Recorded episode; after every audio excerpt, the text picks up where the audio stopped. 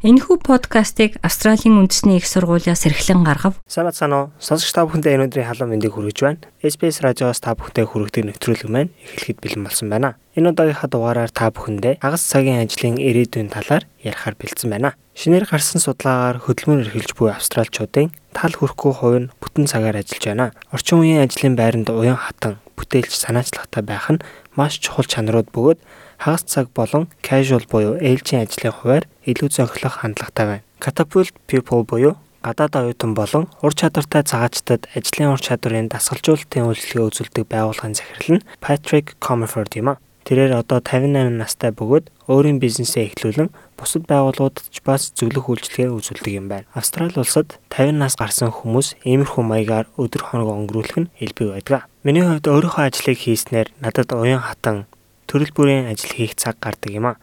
Хамгийн сонирхолтой нь төрөл бүрийн хүмүүстэй харилцаж олон төрлийн ажил хийх юм хэмээн Патрик ярьж байсан юм. Түүний хувьд өмнөх ажилдаа менежерийн албан тушаалд хувийн туслагын хамт ажиллаа хийдэг байжээ. Харин одоо түүний хувьд ABN дугаартай захиалагч клиентуудтай ажлын хөлсний нэхэмжлэхээ явуулаад түүнийхээ үр шимийг хүртээд суудаг юм байна. Ажил олгогч аж ахуй эрхлэгч хоёрын хооронд хэн нэг ажилтнаар бага зэргийн ажлыг тодорхой хугацаанд хийлгэх асуудлыг ярилцаж байдаг. Ялангуяа нарийн мэрэгжлийн ажил pay as you go буюу хийснээр нь хөлсийг өгдөг ажлын төрөлд орох хандлагатай байна. Ингэснээр миний бодлоор ажил олгогчийн хувьд айдас багтаагаар ажиллаж байгаа хүндээ боломж олгож байгаа юм хэмээн Патрик нэмжиллээ. Хүний эрхийн комиссийн судалгаагаар ажил хайж байгаа ахмад насны 5 хүн тутмын нэг нь насаар гадуур хөгдсөн хэмээн хэлж байжээ. Patrick Comerford-ийн бодлоор хагас цагийн ажил олох хүндрэлтэй өрсөлдөөнтэй болж байгаа энэ үед настай ажилчдын ирээдүй олон casual буюу ээлжийн ажиллаар солигдож байгааг хэлж байлаа. Ерөнхийдөө ажил олгогчид хүмүүстэй хөрөнгө оруулж бүтэн цагаар ажиллаж байгаа хүмүүсийнхаа үр бүтээлийг нэмэгдүүлдэг.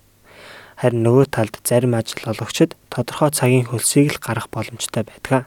Энэ нь тэдэнд хүмүүсээ хагас цагаар олоход хүндрэлтэй байдаг. Би бодохдоо 50 наснаас дээш гарч байгаа хүмүүс нэг байнгын бүтэн цагийн ажил хайх биш, олон газараас цалин авдаг байх талаар бодож үзэх хэрэгтэй. Үндэсний ахмадуудын санхүүгийн мэдээллийн төвийн ахлах ажилтан Basil Labroy Ахмад настай хүмүүсийг ABN дугаар олноор авч хагас цагийн ажил хайж эхэлснийг хэлж байлаа. Ихэнх хүмүүс тодорхой хэмжээгээр өөрөө өөртөө ажилдаг хүмүүс болж байна. Зарим ажил олгогчид ч бас ажилд шууд авахаас илүүтэйгээр ABN-тэй хүмүүстэйгээр тодорхой гэрээ хийж гэрээт ажилтан тэднийг болгодог. Ингэснээр тэдгээр хүмүүс татвар гэх мэт санхүүгийн зөвлөдөө өөрсдөө хийх болдог юм. Тэтгэврт гарсан хүмүүсийн хувьд харин 2-7 хоногт 300 долларын орлого олох боломжтой бөгөөд ингэснээр тэдний тэтгэмжийн хэмжээнд өөрчлөлт ордоггүй юм а.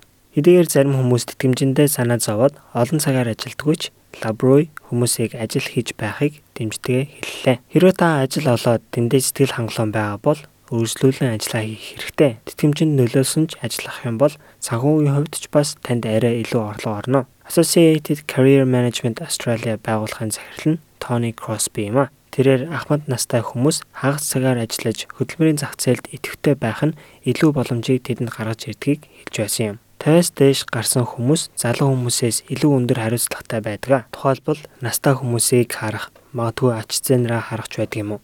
Тэгэхээр хагас цагийн ажил тэдэнд маш тохиромжтой байгаа юм. Орчин үед ч бас хагас цагийн ажил нь нэлээд түгээмэл байдал болсон. 2015 онд хийгдэж байсан судалгаагаар 65-аас дээш насны австралчууд 2050 он гэхэд 2 дахин нэмэгдэж, эрүүл мэндийн салбарын хэрэгцээ шаардлага нэмэгдэж, илүү олон ажилчид шаардлагатай болохыг урьдчилсан байдлаар таамагласан байна. Насжилт нь ажил олоход тулгардаг нэг саад болдог зүйлээ. Харин гадаадад маш олон жилийн туршлагатай англи хэл нь хоёр дахь хэлтэй хүмүүс ажил хайхад нэмэлт бэрхшээлүүдтэй тулгардаг. 53 настай Осама Бути маркетингийн даргын албан тушаалд Иракт маш олон жил ажиллаж байгаад Австрали улсад 2015 онд иржээ. Түүний хувьд энэхүү ярьж байсан юм а. 50-аас дээш настай надад ажил олоход маш хэцүү. Ажилд авч байгаа хүмүүсийг ч буруутгах аргагүй юм а. Яг тэгвэл үйлдвэр эсвэл өөр газар очиход залуучуудыг авах сонирхол өндөртэй байдаг. Гэхдээ өөрийнхөө энерги хүч чадал хийж чадах зүйлээ харуулах юм бол болохгүй зүйл хинтж байхгүй. Хинч байсан өөрийнхөө мөрөөдөлтөд хүрч чадна гэдэгт би итгэдэг хэмээн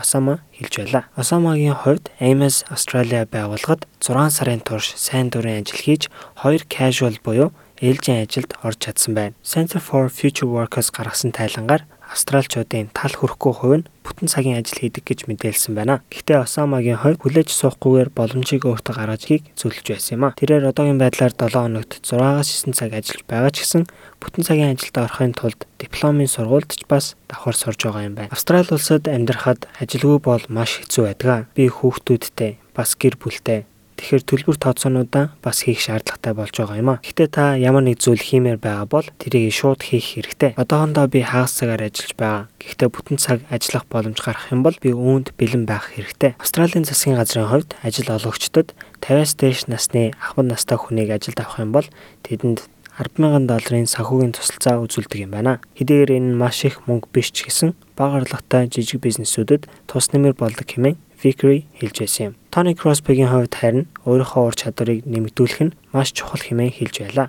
Тэрээр багаар ажиллах, манлайлах, өөрийгөө зоригжуулах, байгууллагын ур чадвар, сонсох ур чадвар гээд ямар ч салбарт ороод ажиллахад адилхан хэрэгцээтэй ур чадваруудаа хөгжүүлэх нь ажил олгогч нарт таны үн цэнийг илүү нэмэгдүүлдэг хэмээн хэлж байлаа. Энэхүү дугаар маань та бүхэн таалагдсан гэж найдаж байна. Дараагийнхаа дугаараар удахгүй уулзцаая. Монгол өв уламжлал Монгол гэсэн өрмөц онцлогоо бид хэрхэн хадгалах вэ? Австралийн тэргуулах зэргийн их сургууль болох Австралийн үндэсний их сургууль нь монгол хэлний онлайн курсыг танд санал болгож байна. Монгол хэлийг сурснаар танд өөрийн сурлага, ажил мэргэжилдээ цааш дахин дэвших боломж гарах болно. Монгол хэлийг бүх шатнд сурч болохоос гадна та хаанч амьдардаг байсан зайнаа сурах боломжтой юм. 2020 оны эхний улирлын эсэлд 12 сард эхлэх болно. Дэлгэрэнгүй мэдээллийг Asia Pacific цэг ANU цэг EDU цэг AU зураас languages холбоосоор орж авна уу?